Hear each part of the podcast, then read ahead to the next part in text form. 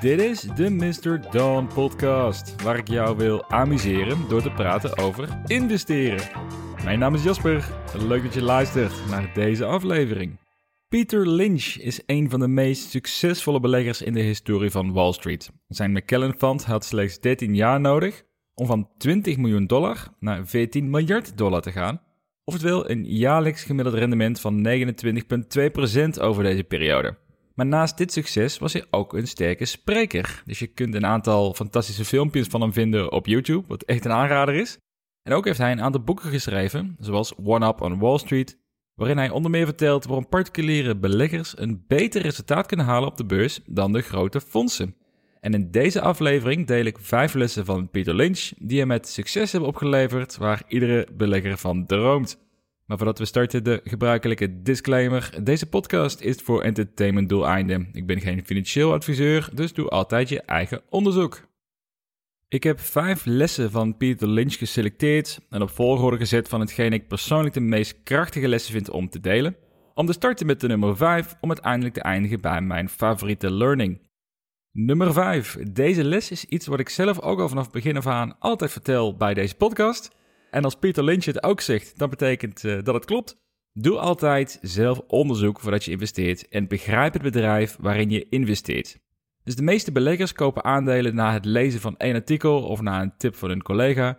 Of nog erger, na één topic op Reddit waar iemand schreeuwt over een short squeeze potentie, wat een moderne vergelijking is van een taxichauffeur die een aandeeltip geeft. En Peter Lynch zegt dat je nooit moet investeren in een aandeel voordat je je huiswerk hebt gedaan en begrijpt wat het businessmodel is, hoe de financiën eruit zien, wat hun competitieve voordeel is en wat hun toekomstambities zijn. En zijn overtuiging is dat de persoon die de meeste aandelen bekijkt en ook goed analyseert, uiteindelijk de grootste kans maakt op een bovengemiddeld rendement. En net zoals als op de werkvloer of in de sport, kan jij ook andere beleggers dus slim af zijn puur door meer tijd te investeren en harder te werken dan de rest.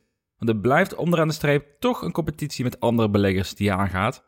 Het blijft een zero-sum game. Als iemand geld verdient, moeten anderen geld verliezen. Dus zorg er maar voor dat jij de grotere kans hebt om geld te winnen door net iets meer tijd te investeren dan de rest.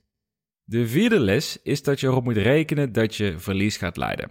Hoe goed je als belegger ook bent, het gaat gebeuren dat je investeert in een bedrijf die uiteindelijk niet naar verwachting gaat presteren, ongeacht hoe goed je je onderzoek hebt gedaan. En niet iedere investering zal een voltreffer zijn, want Peter Lynch zegt hier ook over dat je als je in deze business goed bent, dat je gemiddeld 6 van de 10 keer gelijk zult krijgen en een goede investering doet. En, maar je gaat nooit 9 van de 10 keer gelijk krijgen en een investering met winst afsluiten. Dus wees niet te neergeslagen als je een keer een aandeel met verlies moet verkopen omdat het bedrijf het niet heeft waargemaakt. Eén gelukje, zelfs als je 6 van de 10 keren de juiste investering doet, dan kan je met beleggen op lange termijn alsnog heel veel geld verdienen.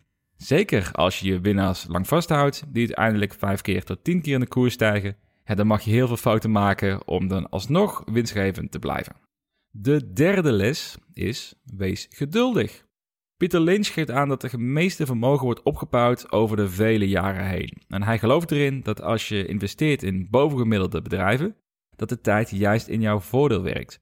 Ook als je aandelen hebt die qua koers al een jaartje stilstaan, als het onderliggende bedrijf zich uitstekend blijft ontwikkelen en een goede groei laat zien, ja, dan gaat zich dat uiteindelijk ook laten zien in de koers. Dus wees geduldig en voorkom de behoefte om snel geld te verdienen door bijvoorbeeld geld te stoppen in meme stocks of hype-investeringen zoals Dogecoin.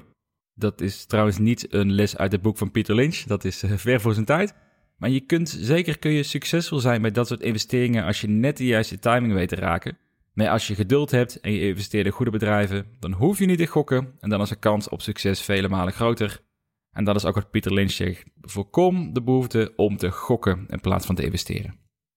Op de tweede plaats in dit overzicht is dat iedere minuut dat je investeert in het voorspellen hoe de economie invloed gaat hebben op de beurs, is één minuut te veel.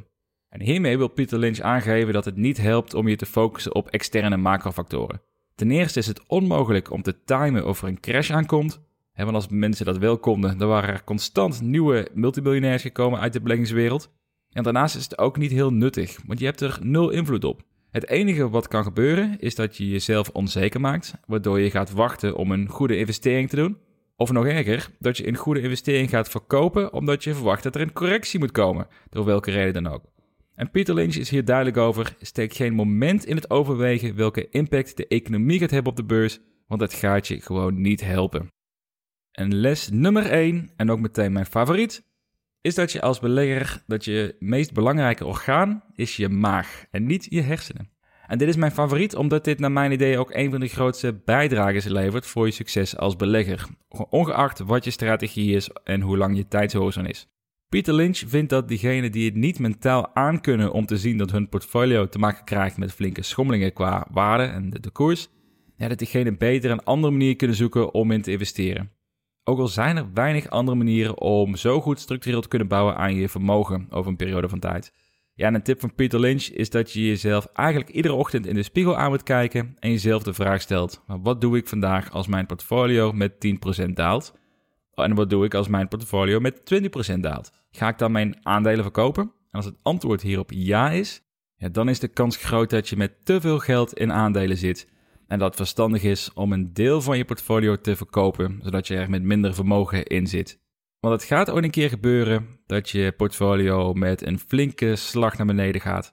Ja, en dan ga je foute emotionele beslissingen maken. En dat is ook de reden waarom veel beleggers uiteindelijk met verlies hun beleggingsavontuur stoppen. Dus vandaar deze belangrijkste tip. Zorg voor een sterke maag, want daarmee hou je je emoties onder controle en kan je juist toeslaan op momenten dat de markt negatief is, in plaats van dat jij gaat verkopen in een blinde paniek, zoals de massa van de beleggers. Dus als jij niet later die opa of oma wilt zijn die zegt van ja, kleinkinderen, ik heb vroeger ook heel veel geld verloren op de beurs, ja, dan is dit een hele goede tip om van harte te nemen.